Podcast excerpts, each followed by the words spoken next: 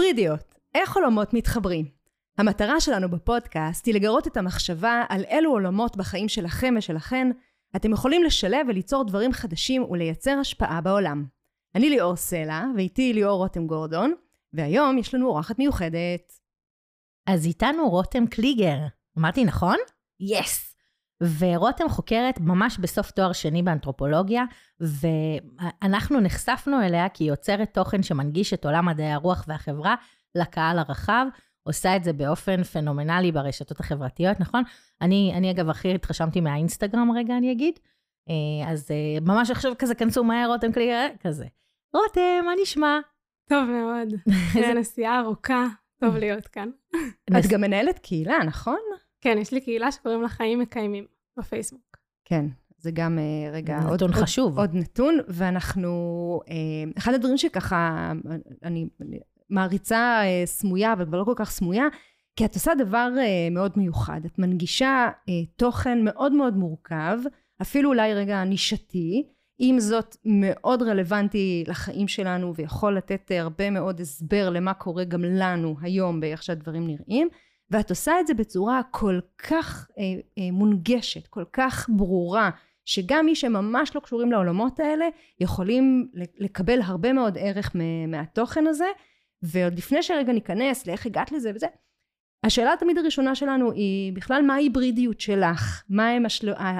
התחומים שאת משלבת וקצת נגעתי בהם עכשיו אבל בואי נראה מה את אה, עוד יכולה לספר על זה אז באמת אולי שני התחומים הראשונים הכי כזה obvious זה עולם התוכן של אנתרופולוגיה באופן ספציפי שזה מה שאני לומדת וגם באופן כללי אה, העולם של מדעי הרוח והחברה שזה כולל בתוכו גם אה, פילוסופיה וגם סוציולוגיה וגם פסיכולוגיה אה, שזה כל מיני דברים שאני לוקחת אותם ממגדל השן האקדמי ומנגישה אותם בצורה באמת במילים מאוד מאוד פשוטות גם לפעמים במחיר של השטחה שהיא כואבת.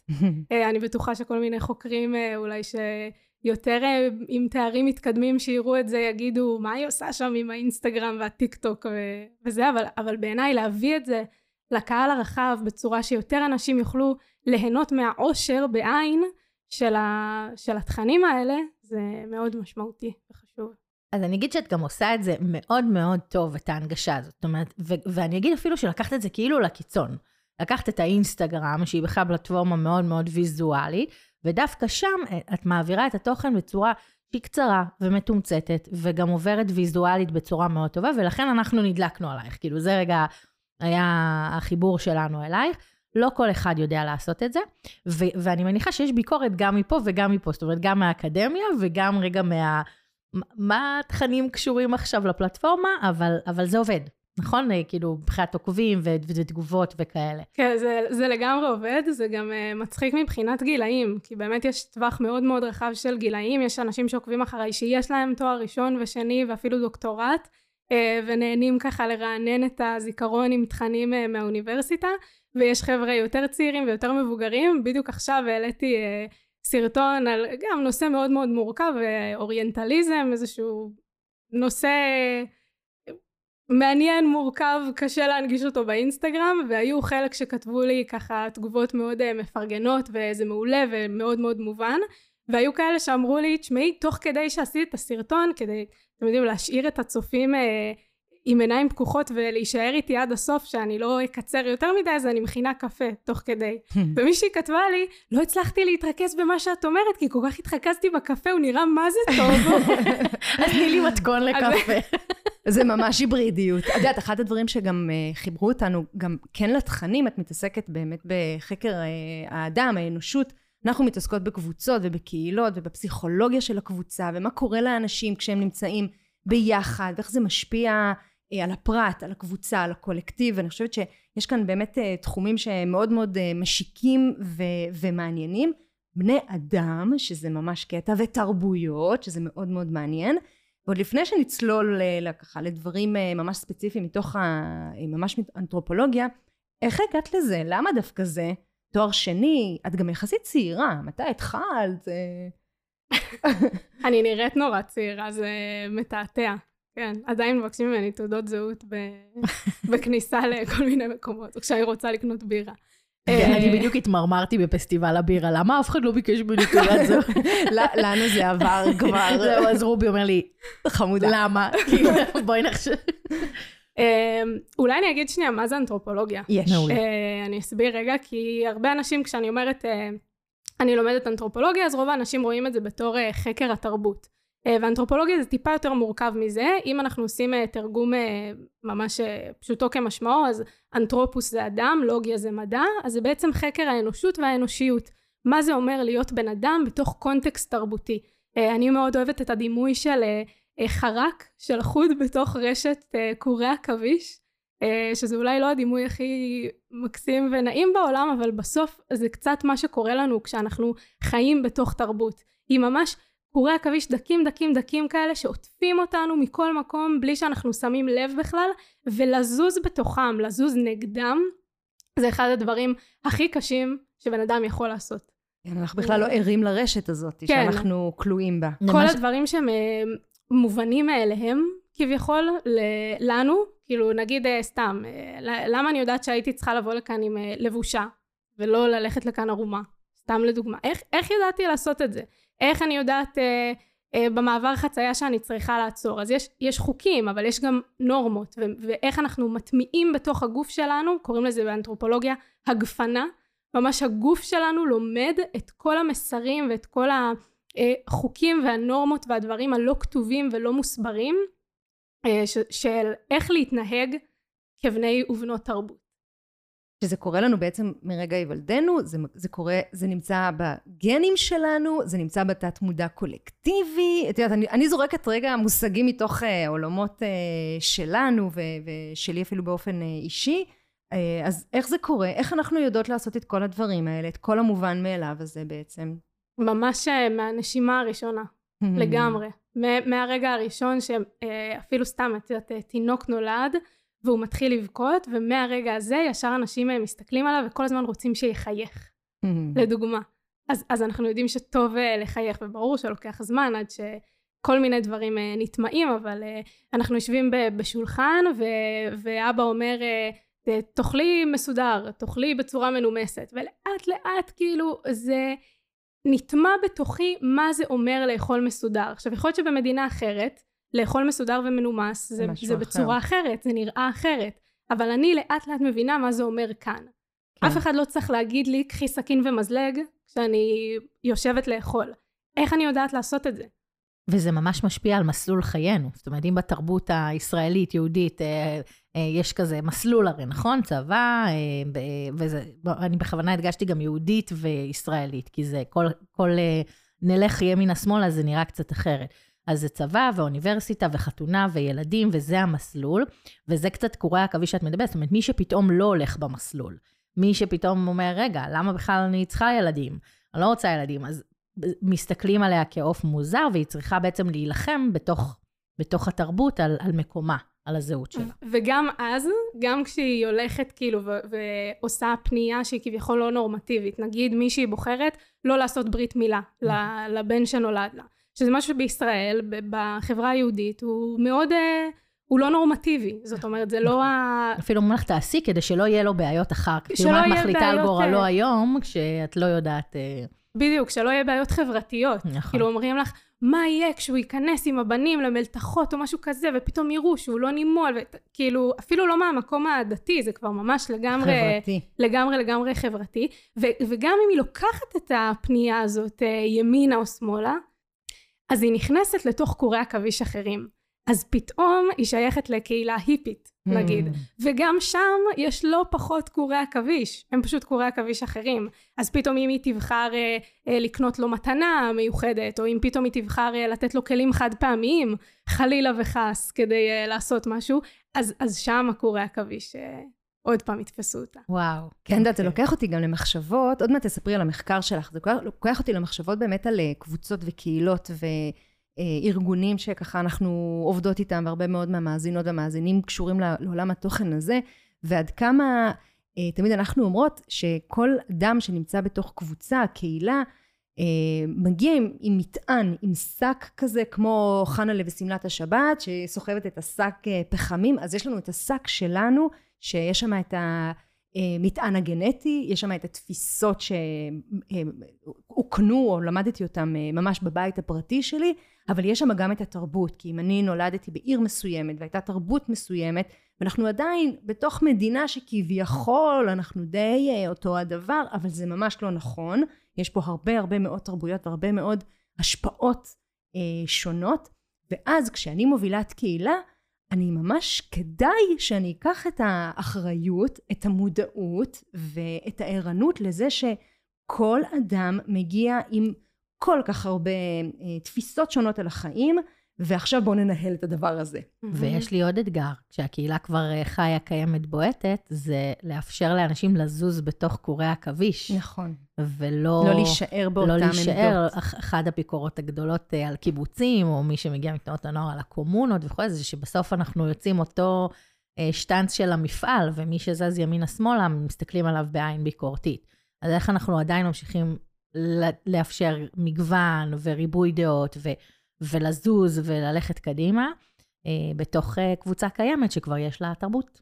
ואני אגיד שאתן אומרות את זה גם בגלל שאתן מגיעות מתוך תרבות שמקדשת את האינדיבידואל, ואומרת כמה זה חשוב שכל אחד יהיה לו את המקום שלו וכל אחד יוכל להביע את עצמו, וזה גם לא מובן מאליו. זה אה. גם משהו שאתן אומרות בגלל החברות שאתן עברתן בתוך חברה קפיטליסטית שמאדירה את ההצלחה של היחיד, למרות שבתוך קהילה. ו... אנחנו- זהו, אנחנו עוד כבר קצת יותר אה, מושפעות מהקולקטיב, או טיפה נוגעות בשם, אבל זה מאוד מאוד נכון. נכון, אנחנו על- רוצות אה, לקפוץ בין העולמות. כאילו, בגלל שאנחנו כבר מעולם הקהילות, אז אנחנו מדברות על הקולקטיב וכולי, ובגלל שאנחנו עדיין חיות בעולמנו, אז אנחנו אומרות, עדיין בתוך הקולקטיב אני רוצה להיות. אינדיבידואלית. כן. אז עכשיו קחי אותנו במטוס, ובר... ואמרנו מטוס, סירה, מה עוד היה שם?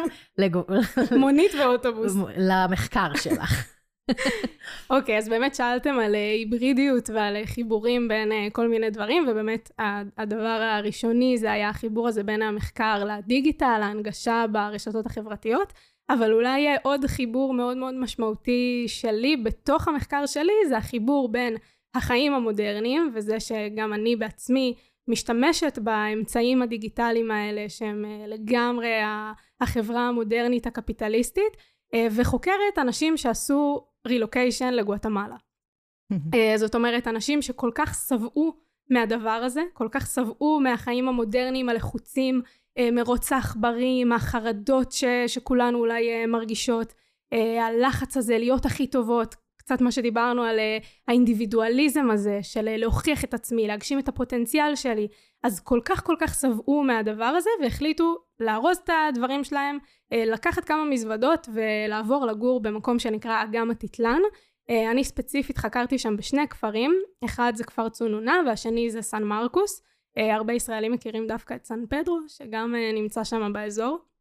אז באמת כדי להגיע לשם הייתי צריכה לעלות על מטוס, להגיע אה, לגואטמלה, לקחת משם מונית, משם שאטל, אוטובוס כזה, ומשם לעלות על סירה, ורק אז הגעתי אה, לכפר שבאמת אה, בו גרתי. אה, כן, צחקנו מקודם שפשוט אה, זה היה להגיע יותר מהר מאשר מהפקקים פה בארץ, אז אה, כן, אבל בסדר. כן, זה לקח לי משהו כמו 36 שעות, אני חושבת. טסתי פעמיים, אה, בסך הכל גרתי שם משהו כמו ארבעה חודשים, אה, והמשכתי לעשות גם מחקר דיגיטלי ולשמור על קשר עם הנחקרים אה, מהארץ. אה, ואני יצאתי, למה שאלתם למה בעצם אה, יצאתי לזה, מה משך אותי לתוך זה, אז אה, ממש הכאב האישי שלי. אה, אני ממש הרגשתי, תמיד הייתי כאילו מוצלחת וסבבה והכל במסלול וכזה בזוגיות מאוד מאוד ארוכה המון המון שנים ובית ספר הייתי מצליחה והייתי בצבא בדובר צה"ל והמשכתי לאוניברסיטה והכל כאילו בדיוק לפי הריבועים שצריך ממש לכודה בתוך קורי העכביש. ו- ובתוך המסלול הזה כביכול הייתי אמורה להרגיש אחלה. נכון, אני, אני עושה את זה, אני מגשימה את מה שאמורים לעשות, אבל כל הזמן הרגשתי לא מספיק. ונראה לי שזה משהו באמת בדור ה-Z, אולי גם בדור ה-Y, בדורות כזה ש- שעכשיו מחפשים את עצמם, את הקריירה שלהם, מרגישים כל כך כל כך באופן עמוק. התחושה הזאת של לא משנה מה נעשה, זה לא יהיה מספיק. לא משנה כמה מוצלחת אה, או מוצלח האדם שנדבר איתו, כולם בתחושה הזאת של, כן, אבל לא הספקתי את זה, ולא עשיתי את זה, ונחשבתי את זה, כאילו, לא משנה לאיזה הישגים אנשים, הם לא מסתכלים אחורה על ההישגים, הם כל הזמן רוצים את מה שעדיין לא או לא, או כזה. ואני כן. אוסיף על זה עוד משפט, ברגע שאנחנו נמצאים בתרבות, שתרבות הפומו, זה עוד יותר מגדיל את התחושה הזאת, כי החברים שלי עושים יותר, והקולגות שלי עושות יותר, לפחות ככה זה נראה על פני השטח, אז זה ממש ממש מעצים את זה. זאת אומרת, ובפנים יש איזושהי תחושה, אני יכולה מאוד להזדהות איתה, שאומרת, רגע, זה לא בטוח שזה הדבר עכשיו שאני רוצה לרוץ אחריו. גם אהבתי שאמרת הדבר. מה זה הדבר הזה? אף אחד לא יודע. נכון? כולם אומרים לי, אני במרוץ להשיג את המשהו הזה. אני הרגש... כל הנחקרים שדיברתי איתם, הייתי עושה ראיונות uh, עומק, ישבתי איתם uh, שעתיים, שלוש, לפעמים ארבע, לשיחות uh, מאוד מאוד משמעותיות, שאחר כך תמללתי כמובן הכל, ותרגמתי לעברית, והם כולם היו אומרים לי, אני הרגשתי מצד אחד שאני במרוץ מטורף להגיע למשהו, אף אחד לא יודע להגיד מה זה המשהו הזה, לא ברור, לא, לא יודעים גם מתי נדע הנה הגעתי לנחלה, ומצד שני מתארים איזושהי תחושה של אה, טייס אוטומטי, של אפתיות מאוד, אה, מאוד עמוקה, של תחושה של אה, נמנום כזה. כן. שאני אני חיה את החיים שאני אמורה בכלל, כמה אני מחוברת למה שאני עושה, לעצמי. כל המצוקות האלה גרמו להם לאסוף את הדברים, את זה הם מגדירים בתור חולי מודרני, גרמו להם ככה לאסוף את הפקלאות ולטוס לגואטמלה, וגרים שם 10-12 שנה, מה שמהגרים. מה, מה קורה שם? מה, מה, כן, גיל... מה גילית? איך זה נראה? שמפסיקים את המרוץ. שאולי נגיע יותר מהר פשוט אה, מהפקקים, אה, פשוט ניסע לשם וזהו, סתם. אמ, זה לא כל כך נוצץ. אוקיי, טוב, אז לא. תודה חברים, זה היה הפרק שלנו. כן.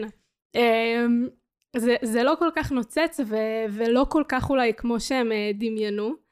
Uh, הפרק השלישי שלי בממצאים עוסק בדיוק בזה, בתחושה הזאת שהם uh, היגרו והם כבר עשו את ההחלטה והם כאילו התנתקו, אבל בדיוק כמו שנתתי קודם את הדוגמה עם הכלים החד פעמיים של האימא שלא עשתה ברית מילה, אבל אולי, וגרה אולי באיזה פרדס חנה, באיזה קהילה יותר היפית כזאת, אבל, uh, אבל יש דברים שעדיין איזה שרידים כאלה.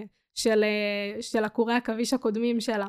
כן. ו- ואז היא מקבלת את השיפוטיות, את המבט הבוחן, הביקורתי של האנשים בקבוצה החדשה שהיא נכנסה אליה. Mm-hmm. כי תמיד יש קונטקסט. איפה שיש בני אדם יש תרבות, mm-hmm. ואם יש תרבות אז יש קורי עכביש. Mm-hmm.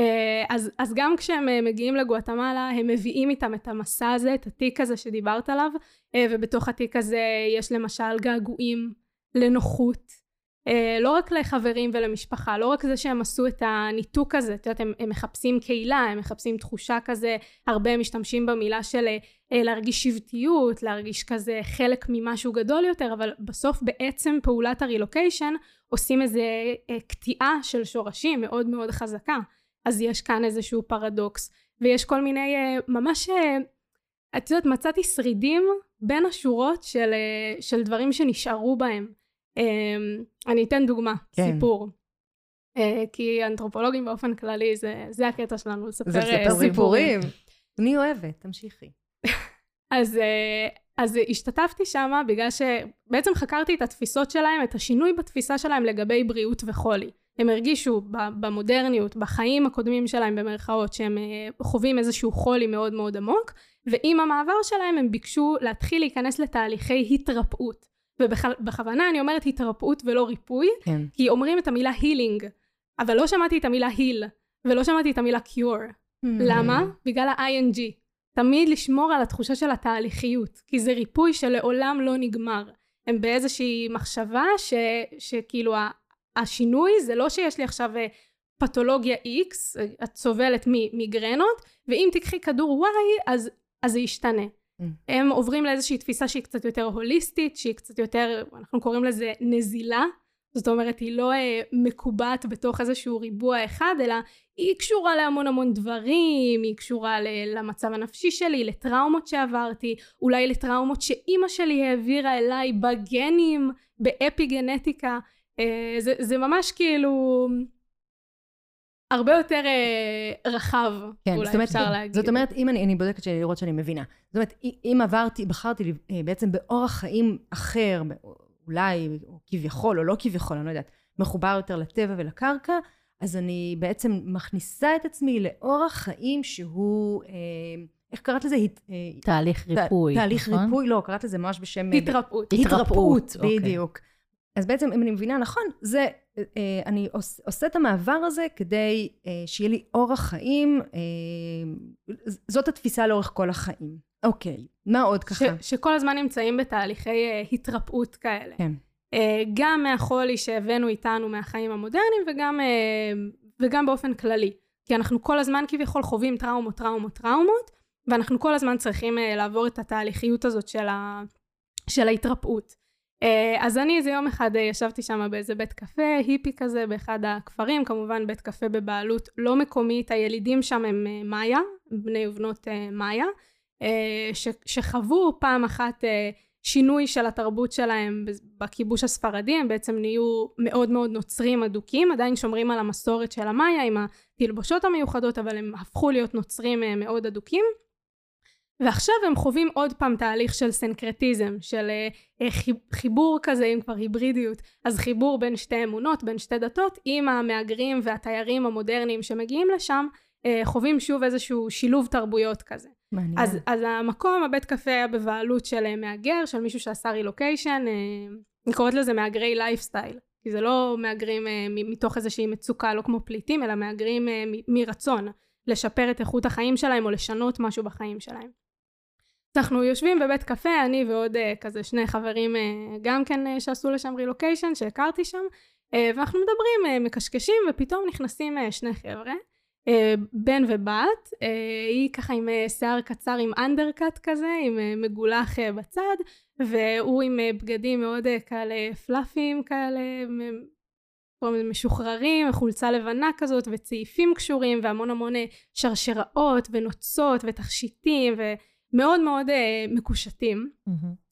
והם אומרים לנו, תשמעו, אנחנו הולכים להעביר כאן עכשיו סשן של sound healing, שמעתם על זה פעם? מהמם. אז sound healing זה בעיקרון במקור מטיבט, כי עובדים עם קערות טיבטיות, אבל אה, הרבה אנשים לוקחים את זה וקצת אה, משנים את זה. אה, מספרים לנו שהם שני חבר'ה ארגנטינאים שהגיעו לשם, ואומרים אה, בואו תצטרפו, תעשו גם. אז נשארנו, uh, ואנחנו uh, שוכבים ככה על הרצפה מאובקת, ועוברים את הסשן סאונד הילינג הזה, והם עושים לנו גם קערות טיבטיות, שזה באמת מטיבט, וגם דיג'רידו, שזה בכלל מאוסטרליה. אה, שאמור לדמות אה, קולות של אה, רחם ועם כל מיני כלים ותופים מקומיים. ובסוף הסשן הזה הם אומרים לנו, ככה אנחנו אומרים להם תודה ואיזה יופי ונרגענו, הם אה, מצביעים על איזושהי קערה עם פסל הודי קטן ואומרים לנו האל ההודי הזה הוא מסמל שפע אז אם תוכלו לשים אה, איזה קצת כסף כדי שנוכל להמשיך אה, להעביר את הריפוי שלנו, את המתנה שלנו הלאה. אז אני יושבת שם ואני אומרת לעצמי, אנחנו בגואטמלה, אה, חבר'ה, אני מישראל, יש שם מישהו מספרד, יש שם מישהו, לא זוכרת, מאירופה, עוד כמה חברים. המנחים הם מארגנטינה, הם משתמשים בקערות טיבטיות ובדיג'רידו שהוא אוסטרלי, ובסוף הם אומרים לנו גם לשים כסף עם האל ההודי שעושה כל הדבר הזה מיקס מטורף. נכון. מיקס מטורף של תרבויות. של תרבויות, מה, איך זה משטח את התרבויות האלה ואת התורות האלה, מה זה עושה לאמונה המקומית, למסורות המקומיות, כשאנשים באים לשם, אם מחפשים שורשים, נכון? לנטוע איזה שורשים חדשים במקום חדש, אחרי שלא אהבנו את השורשים ה- במדינות המודרניות, בחיים המודרניות שלנו, הרגשנו ש- שמשהו לא בסדר, אז איך נעשה את זה כאן עכשיו עם כל המיקס הזה? זה הגלובליזציה. כן. זה רודף אותם. הם לא מצליחים באמת באמת אה, להתנתק, להתנתק. מזה. כל הסיפור הזה של התאמה אישית, פרסונליזציה. כן. אה, למשל שאנחנו ב- באינסטגרם, נכון? אנחנו נכנסים ויש לנו עמוד אה, for you כזה, כן. גם בטיקטוק, באינסטגרם, שמציע לנו כל מיני דברים עם התאמה אישית. איך האלגוריתם, זה, זה מה שעכשיו האלגוריתמים ו- נכון. וטכנולוגיות מנסות לעשות, כמה שיותר שיהיה פרסונליזציה, להתאים בדיוק אלייך, מה שאת רוצה, זה מאוד התרבות המודרנית, הקפיטליסטית. והם הולכים לשם, הם עושים אותו דבר, Mm. פשוט עם, עם uh, סשנים של ריפוי. פשוט עם... אז הם לא קונים uh, בגדים, הם לא מזמינים משיין, אבל הם uh, יעשו את הצרכנות uh, כצרכנות רוחנית. אז הם יעשו גם יוגה, וגם לחוות את זה, וגם לחוות את זה, ועושים מין שופינג כזה של זהויות, ומה קורה לזהות הזאת? וואו. גמרת. אנחנו יושבות, זה נורא מצחיק, אנחנו יושבות מרותקות כמו ילדות אה, בגן, הנה את מספרת סיפורים, זה א', א', יש כאן דברים שאני לוקחת אותם עכשיו גם לעולמות המקבילים שלנו, של קהילות, של ארגונים, כמה storytelling, כמה היכולת לדעת לספר סיפור היא חשובה והיא משמעותית, כי אני, אני לא יודעת איך אתם מאזינות ומאזינים, אבל אנחנו היינו כאן כמה דקות עם עיניים מנצנצות ומרותקות לסיפור שלך, שמעלה המון המון אה, מחשבות, וזה לוקח באמת רגע למחשבת הזהות, כי אנחנו מתעסקות בזה גם הרבה. כי גם האינדיבידואל בתוך קבוצה או קהילה, גם זהות הקהילה, ואני חושבת שגם אפשר להרגיש את זה עכשיו בעידן ובימים ה... ובזמנים שלנו, איך הזהויות האלה אה, וקורי העכביש האלה, שכולנו לכודים, ואנחנו אולי יותר ויותר מתעוררים לתוך הידיעה שאנחנו כלואים בתוך קורי העכביש האלה, ובאמת השאלות סביב הזהות שלנו בתוך החברה עולה יותר ויותר, ו- ו- ואפשר לראות את זה בחוץ וברחובות, שזה, שזה מעניין בכלל ממבט כזה, אה, מבט אנתרופולוגי, למה קורה היום לחברה שלנו כשהיא כל כך מתערבבת ובאמת הופכת להיות גלובלית. מרתק. מאוד, ואני חושבת גם על ה... כאילו על האלטרנטיבה. כי את אומרת, אנשים עכשיו, לפחות בסביבה שלי, וגם אני רואה הרבה מאוד ברשתות את הנושא הזה של רילוקיישן, וכן מעבר, ואנחנו מדברות על איזושהי קטיעה שזאת, גם אם אנחנו עוברות למקום קפיטליסטי אחר, זה לא משנה, זה עדיין קטיעה מאוד גדולה של השורשים. מעניין אותי מה, כאילו, את חוזרת לכאן, ומה את לוקחת מתוך מה שראית שם, ואולי גם יש עוד דברים שככה יעלו תוך כדי. אולי אני אספר אה, עוד סיפור אז. יאללה. כן, כן, אנחנו, זה נעים לנו. אמ, אוקיי, אז, אה, אז אני אספר שני סיפורים ש, שמתקשרים אחד לשני, אז באמת, אחד הדברים שהכי אה, הם מחפשים, האנשים שעושים את הרילוקיישן הזה, זה את החיבור באמת לטבע שסביבם, לאיזה משהו אולי שגדול יותר מהם. אם במודרניות אנחנו שמים כל דבר באיזה קופסה, אנחנו ממיינים הכל בלייבלים כאלה, של גבר אישה, של אה, אה, שחור לבן, של אה, גבוה נמוך, הכל אנחנו שמים בתוך קטגוריות של הפרדה, בעצם כדי לסדר לעצמנו את הכאוס שהוא המציאות שאנחנו חוות בחושים שלנו. אז, אז הם מחפשים איזה משהו קצת יותר, כמו שאמרתי קודם, נזיל. משהו שיותר מחבר, אולי צירים כאלה, אולי אני חלק מאיזה משהו גדול יותר, אולי אני לא חייבת להגדיר הכל בתבניות. ואחת הפעמים שממש ככה הבנתי מה זה אומר החיבור לטבע הזה? הלכתי עם אה, מישהי, אחת הבנות שעברה דווקא מגואטמלית, עברה מגואטמלה סיטי לאזור הזה של הטיטלן, לכפרים, ויצאנו לטייל בג'ונגל, שם עלינו במעלה ההר, והלכנו, הלכנו, הלכנו, והגענו לאיזה מפל יפהפה, ממש משהו מדהים כזה, היינו שלוש בנות, והן ישר ככה התפשטו ונכנסו פנימה, שזה קודם כל דבר בפני עצמו, להתפשט ולהיכנס. אה, אני לא, לא כל כך רגילה לראות נשים עירומות, פשוט ככה, בלי בגד ים, בלי כלום, פשוט מרגישות בנוח ככה להיכנס, וזה כבר מבחינתי היה, הייתה חוויה אנתרופולוגית. סתם, חוויה מעניינת.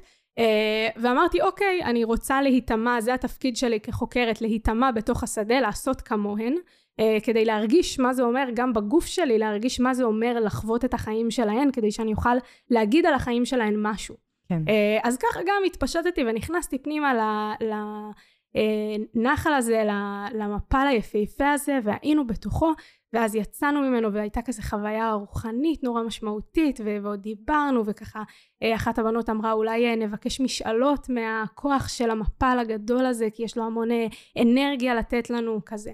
היא גם אמרה לי, תיכנסי, הוא ייתן לך מה שתבקשי ממנו, תהיי בכוונה כלשהי והוא ייתן לך את זה. ואז חזרנו לחווה שבה גרנו. חזרנו, ירדנו במורד ההר וחזרנו לחווה ואמרתי להם, טוב, אני הולכת להתקלח, כי זה מה שעושים כשחוזרים מהטבע. מסתכלות עליי, כאילו נפלתי מהשמיים, כאילו אני חייזרית. למה את רוצה להתקלח? הרי הרגע התקלחנו. הרגע היינו בתוך המפל. ובאמת, לא סתם, המים שמגיעים למקלחות באיפה שישנו, הם מגיעים ממש מהמפל. מאותו מקור. אותו מקור בדיוק. אבל אני אמרתי, אני לא יכולה. וזו הייתה הנקודה שהבנתי שמה שעשיתי, בזה שבאמת התקלחתי, זה לא היה להתנקות. זה היה לעבור סטריליזציה. זה היה לעשות את ההפרדה הזאת, לעשות שיהיה מאוד מאוד ברור שיש קיר בין החיים התרבותיים שלי לבין הטבע. חזרתי מהטבע, אני חוזרת לציוויליזציה, אני רוצה שזה יהיה ברור. זה שיהיה כאן קיר מפריד. וואו. וראיתי את זה... לא חשבתי על זה ככה. וזה ממש mind blowing. כאילו, מילא מהבריכה, שזה באמת דוחה. זה באמת דוחה, אבל נכון. מפל טבעי. נכון. וזה משהו שראיתי כמה וכמה פעמים. אותו דבר, אה, ישבנו סביב מדורה. ואז אמרתי, לא, אבל איך אני אחר כך איזה העשן ייתפס לי בטלטלים וזה, והם אמרו לי, מה יש מה? לך? כן, אז מה, זה ריח טוב, זה ריח, של טבע. זה ריח של, של טבע, החיים. ככה זה. ועדיין התקלחת. ברור שהתקלחת. יופי, כי דאגתי לרגע. ו- וה- הריח הזה שנדבק בכל, בחזייה, בתחתונים, ומתה באה הביתה ומכניסה אותו לכביסה, כאילו. ממש. אבל, אבל הנה, זה כל כך תרבותי. אז הסיפור השני זה שבאמת הגעתי לשם, ואחד הדברים באמת, אה, כמו שאמרתי, אנתרופולוגים ואנתרופולוגיות, אנחנו רוצות כמה שיותר לחוות את התרבות גם ברמה הגופנית. אז אני, שהתחלתי לגלח את הבת צ'כי שלי בכיתה ד', אה, אמרתי לעצמי, טוב, פה כל המהגרות, כל הבנות שעשו לכאן רילוקיישן, הן לא מגלחות, הן מגדלות שיער גוף. יש להן שיער אה, פרא על הרגליים, ובבית צ'כי, ו- ובכל מקום, ובידיים, ואם אני רוצה לחוות את זה, אז, אז אני אגלה, אני, אה, אני אתן לו לצמוח. כן. שזה, קודם כל זו הייתה חוויה מבחינתי באמת מיוחדת. אה, לתת לזה, לצמוח, ובהתחלה נורא נורא התביישתי. כל מקום שהלכתי, ובטח אם פגשתי במקרה, במקרה, לא היו שם הרבה ישראלים, אבל אם במקרה פגשתי עם ישראלים, אז הצמדתי איתה את בידיים. הזרועות לגוף, כדי שלא יראו חלילה שיש לי שיער בבת צ'כי. בואו, ביש, בישראל הרי זה מזעזע אנשים בצורה שהם לא יכולים להכיל את זה, זה כאילו יהיה דוחה, וזה מאוד עמוק בתרבות שלנו, הנושא הזה. בטח. הרי יש כמה כאלה מפורסמות שלא מגלחות, והתגובות אה, באמת מזועזעות, עד, כמו לא להתקלח אחרי... אה, למרות שזה הדבר הטבעי. נכון, נכון, למרות שאין, בדיוק, כאילו הטבעי הוא זה. כן. גם, מה זה טבעי? מי קובע מה הדבר שטבעי לעשות ושלא טבעי לעשות? מה שאנחנו עושות כאן עכשיו, ההקלטה של פודקאסט זה טבעי, שימוש בטלפון, הדבר הזה זה טבעי, כביכול כל הדברים מקורם בטבע. אם זה קיים, אז זה, אז זה משהו שאנחנו יכולים לעשות, אז הוא, הוא חלק מהטבע. כן, ואם זה המצאה של בני אדם, שהם הם חלק מהטבע, אז זה חלק, זה, זה טבעי. זה, זה אבל שאלות. אפשר, אפשר, אפשר הרבה, וואה, אפשר לגמרי להתפלפל כן. על זה. זה ממש אחת משאלות הבסיס באנתרופולוגיה, המתח הזה שבין טבע לתרבות, מה טבעי, מה תרבותי. Uh, כשבאמת בעולם המודרני נורא מנסים לעשות איזו הפרדה שהיא אולי קצת מלאכותית כזאת בין שתי הקטגוריות, והם אולי מחפשים איזה שילוביות, היברידיות. היברידיות, כן, אז, כן. אז את אומרת, את רואה ישראלים, את מהדקת את הידיים צמוד לגוף כדי שחלילה לא יראו. זהו, וכשסיימתי את, ה, את עבודת השדה וחזרתי לישראל, אז uh, התחלתי את המסע שלי חזרה ככה עם הסירה ועם המונית ועם האוטובוס והגעתי לעיר, והדבר הראשון שעשיתי היה לקנות סכין גילוח.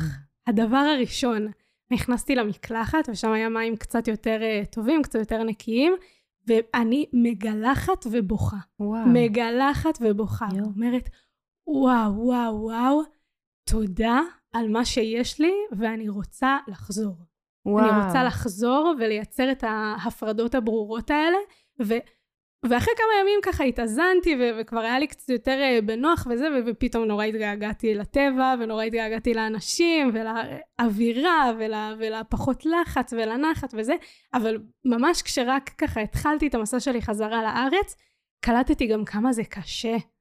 זה לא איזה, בגלל זה אמרתי, זה לא נוצץ. כן. לעשות את הקאט הזה ולעבור לאיזה משהו אחר. א', זה באמת, זה לא איזה חופש, זה פשוט קורי עכביש אחרים, כן. אולי יותר טובים לנו. זה, זה כבר כל אחד בינו לבין עצמו, אבל צריך להבין שזה גם לא איזה משהו שקל. את יודעת, אני לוקחת מהשיחה שלך שני דברים. אחד, זה באמת את הדימוי של קורי העכביש, ולשאול את עצמנו איפה אנחנו כן אה, רוצים לצאת מה, מהגידור הזה שעשו לנו ו, ולשאוף אה, למשהו אחר, ולהבין שזה בסדר לעשות את זה עם המחירים שלו. זאת אומרת, לזכור שזה קורי עכביש, אנחנו נקטע אותם, יהיה לזה גם מחירים, כמו שאת אומרת, אבל, אבל זה בסדר שאנחנו לא רוצים להיות כל הזמן באותם קורים אחד של השני. הדבר השני, זה הסקרנות לתרבות של אחרים. ובישראל באמת התברכנו באפשרות להיכנס ולצפות בתרבויות אחרות לגמרי, ובמקום לבוא בעיניים של למה אני לא מגלחת, למה הם עושים ככה בשבת, למה... לבוא ולהסתכל על זה בעיניים סקרניות שבוחנות את מה קורה שם בלי שיפוט, אלא זה קורי העכביש שלהם. אני יודעת ששלי אחרים, אני אעשה את הבחירות שלי בסופו של דבר, אבל בעיניים הרבה יותר סקרניות, זה יביא לנו הרבה יותר, לדעתי, סבלנות וסובלנות וראיית האחר, והבנה שהאמת היא תלויה בקורי העכביש שלי והיא לא רק אצלי.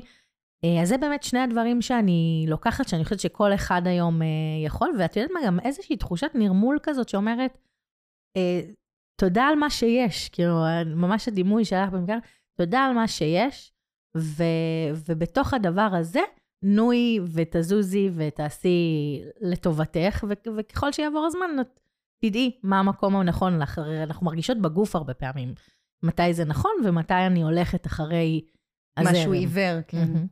אני ממש מאמצת את הקורי עכביש, אני חושבת שאנחנו נשתמש בדימוי הזה, במתודות עבודה שלנו, של לראות את, ה, את עצמנו, להיות ערים וערות ל, אה, לסיטואציה ולראות את האחרים. אז ממש תודה, כי זו הייתה מתנה, וממליצה לקחת את הדימוי הזה לכל עבודת אה, צוות ועבודת אנשים, ובכלל לאיזו תפיסת אה, מודעות. אה, אנחנו מסכמות את הפרק הזה שהוא אחד הפרקים שעברו הכי מהר. אה, זו הייתה הצצה קטנטנה לעולם של האנתרופולוגיה. אה, אנחנו מייחלות ומאחלות ומייחלות שאנחנו עוד נקליט עוד פרקים כי יש לזה נגיעה ממש ממש עמוקה לחיים של כולנו. יש לך איזה ככה משפט אחרון או משהו שאפילו את לוקחת מהשיחה הזאת שלנו? כן, אולי אני רק אגיד שבאמת צריך להבין שהבחירות שלנו בחיים הן לא כל כך סטריליות. וזה לא אומר שאין בחירה. זה פשוט אומר שהיא תמיד למול משהו. תמיד כאילו לעבור בלולייניות כזאת בין לבין.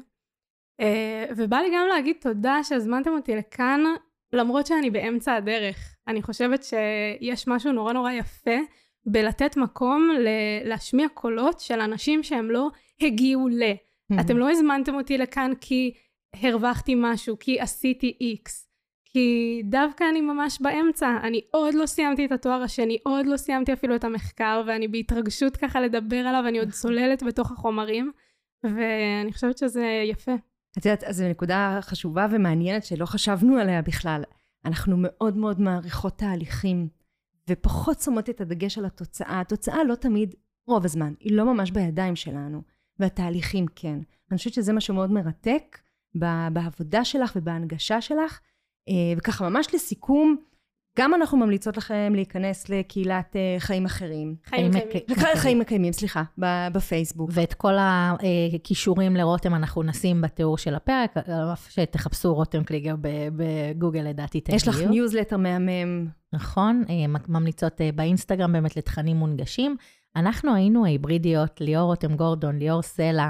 אנחנו, גם את התיאור אה, איך אפשר להגיע אלינו תוכלו לראות. אנחנו בעצם מביאות את כל הנושא של תפיסה קהילתית לתוך ארגונים, עבודה בצוותים ובקבוצות, ואיך מייצרים שייכות ומעורבות.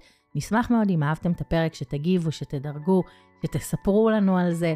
אה, ממש נשמח לדעת, וממש תודה שהייתם איתנו בעוד פרק נוסף. תודה רותם, תודה לכולם. תודה.